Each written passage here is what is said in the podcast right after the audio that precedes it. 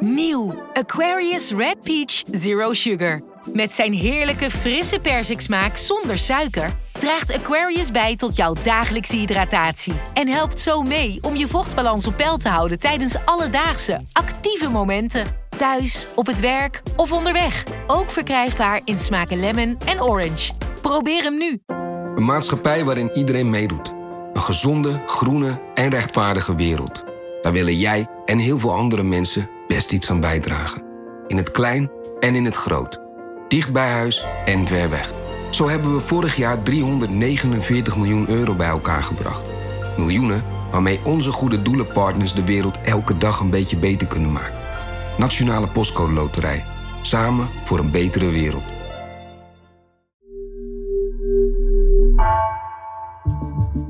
Vanaf de redactie van NRC het verhaal van vandaag. Mijn naam is Floor Boon.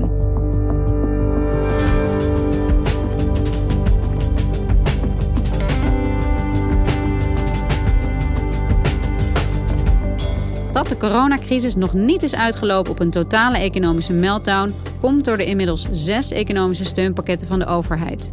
Veel ondernemers en bedrijven bleven daardoor overeind.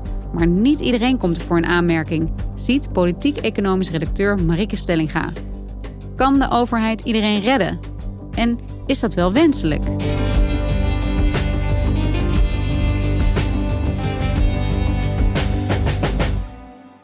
Goedenavond. We hebben vandaag moeten besluiten de lockdown met drie weken te verlengen tot en met dinsdag 9 februari.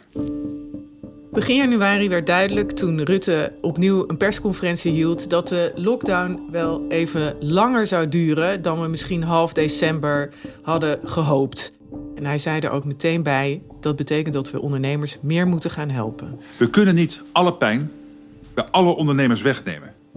Maar zeker nu we licht zien aan het eind van de tunnel, is het belangrijk dat we zoveel mogelijk bedrijven en banen door deze crisis heen trekken. Wat houdt dit laatste steunpakket in? 7,6 miljard euro schatten ze uh, kost deze nieuwe steun. En die is vooral gericht op de vaste lasten van bedrijven zoals de huur.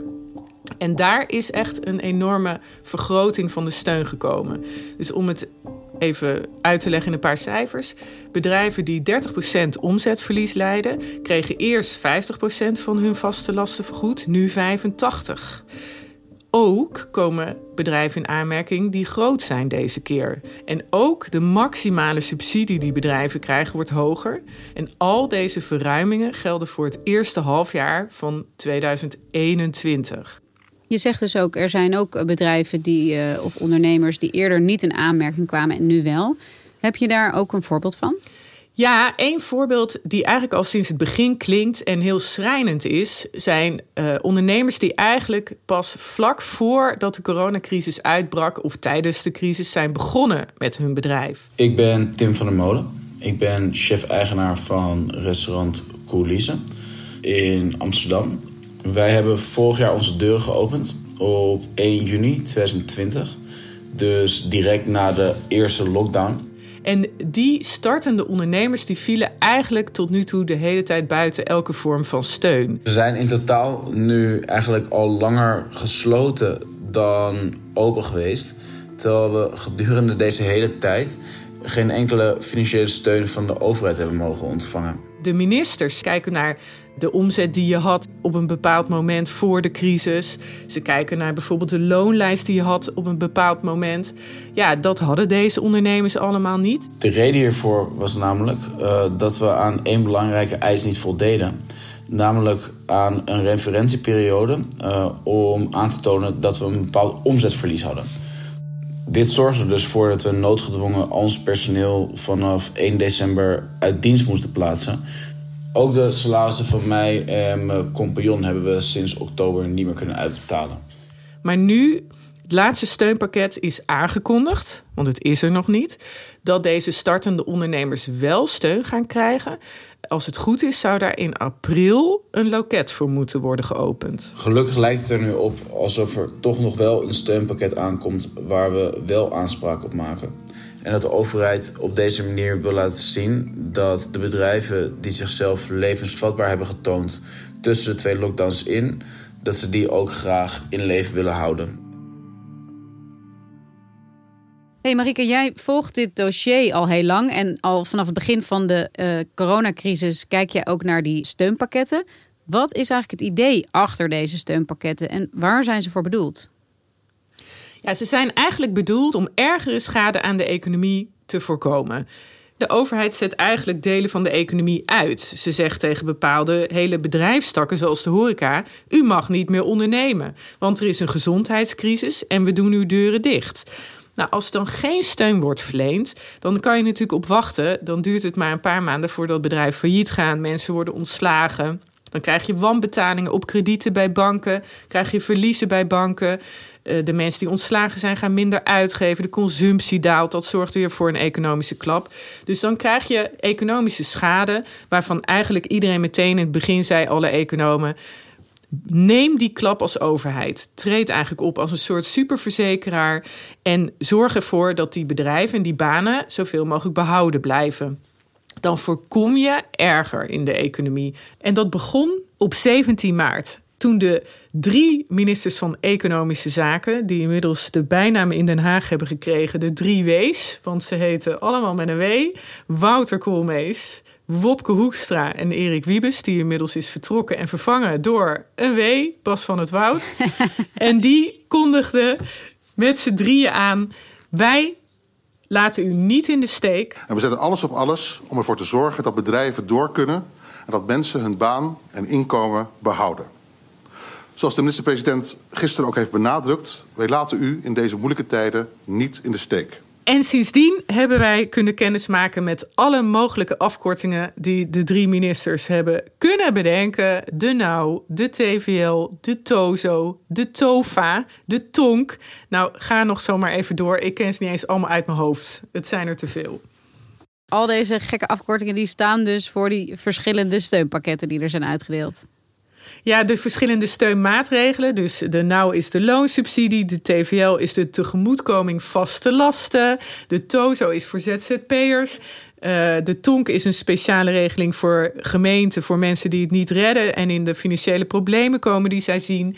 Nou ja, zo hebben ze in de loop van de maanden steeds meer steunregelingen opgetuigd met dit soort vreselijke namen, om ze steeds meer mensen op steeds meer manieren te helpen. En de hamvraag is natuurlijk: werkt het ook? Nou ja, dat is eigenlijk het meest ja, bijzondere van deze crisis. Dit is een enorme economische crisis, een enorme dip. Maar het aantal faillissementen lag vorig jaar lager dan het in 20 jaar lag. Dus in die zin houdt de overheid bedrijven overeind. En ja, hoe ze er nou echt voor staan, dat is de grote vraag. En dat wordt natuurlijk ook erger met hoe langer lockdowns duren. Hè? Want even voor de duidelijkheid: deze subsidies zijn geen 100% vergoeding voor niks. Dus ondernemers lijden verliezen. En als zij geen regeling weten te treffen, bijvoorbeeld met een huurbaas of met leveranciers, ja, dan lopen ze echt wel snel in op hun reserves. Maar je zegt dus eigenlijk ook, het werkt dus wel. Nederland doet het in zekere zin dus ook goed. Nou ja, als je het internationaal vergelijkt, en dat is natuurlijk voor een econoom interessant, want de komende jaren gaan we alle steunpakketten in alle landen uit en ten treuren vergelijken. Daar worden nu voorzichtige vergelijkingen gedaan. En dan heeft Nederland, hè, met name kijk je dan even naar hoe hebben we het economisch vorig jaar gedaan.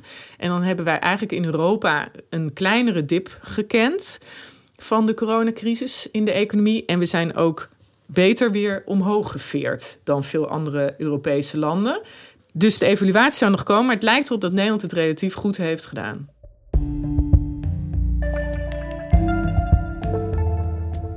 Toch zijn er dus ook heel wat ondernemers die misgrijpen, die net niet binnen die uh, generieke maatregelen uh, vallen. Zijn dat allemaal, ja, zijn dat allemaal ongezonde bedrijven, zeg maar? Of, of zit hier toch ook een soort oneerlijkheid in?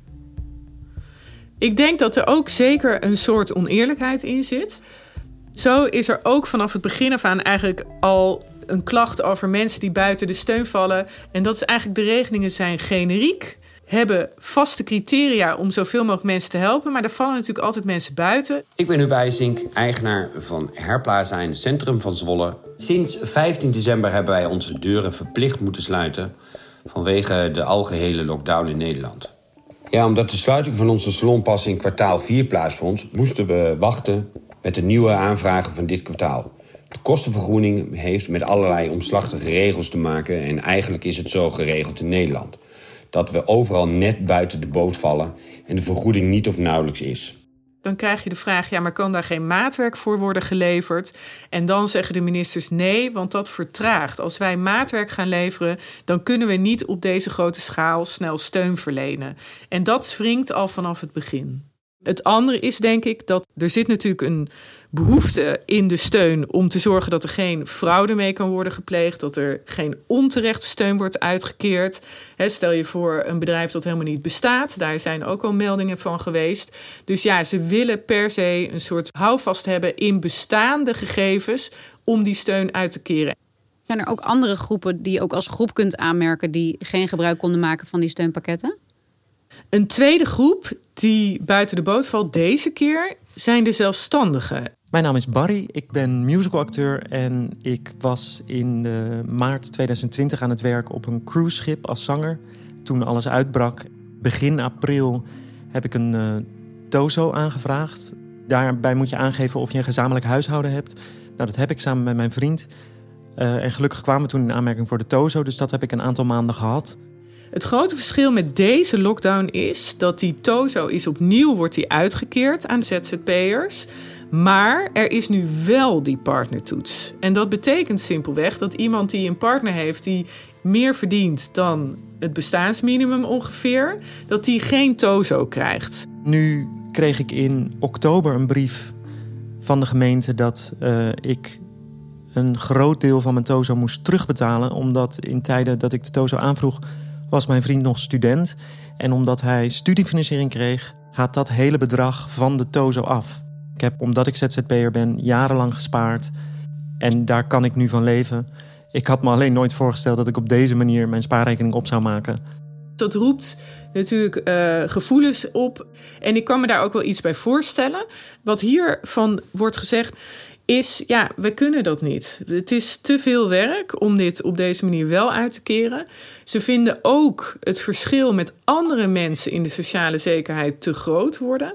Dus uh, bijvoorbeeld minister Koolmees van Sociale Zaken wijst dan op mensen die jong gehandicapt zijn en een waaijong-uitkering hebben. Die hebben ook een partnertoets. En het zou oneerlijk zijn als die niks krijgen en uh, de zelfstandigen wel je schetst eigenlijk eerst beeld. Nederland doet het dus eigenlijk heel goed. Uh, heel veel bedrijven worden geholpen. Maar dit klinkt toch ook alsof er dus inmiddels, uh, in ieder geval in deze laatste lockdown, best wel een groep ondernemers is die, nou ja, uh, er behoorlijk slecht vanaf komt, zeg maar. Nou ja, in elk geval minder goed. de ministers hebben dan weer andere regelingen. Die moeten nog open gaan. Dus wij moeten nog zien hoe die uitpakken. Bijvoorbeeld een tegemoetkoming in de vaste lasten, die ook voor kleinere ondernemers zoals kappers beter toegankelijk zou moeten zijn. Dat zou ergens rond deze dagen opengaan. Dus ik ben benieuwd hoe het de komende weken uitpakt. Um, zo proberen ze op allerlei manieren te steunen. Maar in het laatste Kamerdebat werd ook duidelijk dat de ministers een paar keer zeiden: ja de Kamer wilde veel meer uh, breder andere bedrijven, maatwerk, rekening houden met deze groep, rekening houden met deze groep. En de ministers bleven maar zeggen: ja, dat kunnen we gewoon niet voor elkaar krijgen in de uitvoering. We hebben natuurlijk bewust gekozen voor generieke uh, maatregelen. Uh, en generiek heeft een, een heel groot voordeel, namelijk dat je snel kunt handelen. We verlenen veel meer steun, maar we kunnen niet alles voor elkaar krijgen. Het nadeel van generiek is natuurlijk uh, dat er altijd individuele omstandigheden zullen zijn waar het net niet past. Zou je echt voor iedere situatie maatwerk willen leveren? En natuurlijk zouden wij, iedereen hier in deze zaal, zou het liefst bij, bij iedere ondernemer aan de keukentafel gaan zitten en zeggen: hoe kunnen wij jou precies, precies, precies helpen? Precies toegespitst op jouw situatie. Uh, maar dan komen we op een ander punt en dat is uitvoerbaarheid.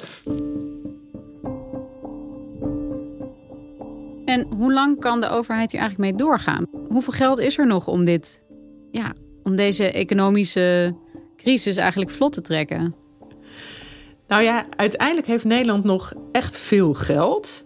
En ik denk dat we nu al zo vaak de steun hebben verhoogd dat we daar, als het nodig is, niet heel snel mee op gaan houden. In elk geval is de steun nu tot juli dit jaar.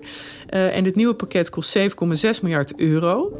Maar als je kijkt naar hoe hoog de staatsschuld nu gaat worden, volgens Wopke Hoekstra, na al deze steun, dan zitten we net boven de 60% staatsschuld. En dat is keurig net boven de norm die in Europa geldt. En dat is hartstikke laag in vergelijking met andere landen. En volgens veel economen mag dat prima nog veel hoger worden voordat wij in de problemen komen. Dit is een beetje, zeggen economen die hierover nadenken, als oorlog. Dat kost ook veel geld als je dat uh, overkomt. En dan zet je die even op de staatsschuld en die ga je langzaam afbetalen.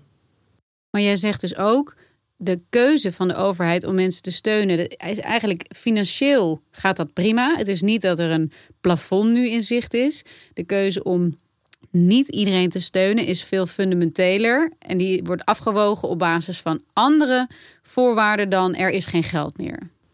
Ja, en dat heeft uh, de drie ministers hebben dat ook echt gewild. Er moet aanpassing mogelijk blijven. Ik vertelde eerst over die ontslagboete, maar zo zit er meer in. Um, ze steunen, maar ze steunen nadrukkelijk niet alle kosten of verliezen die geleden worden. Om die economische aanpassing niet helemaal tegen te houden. Nog steeds zal dat natuurlijk wel deels zo zijn, want er zit een soort bevriezing in de economie.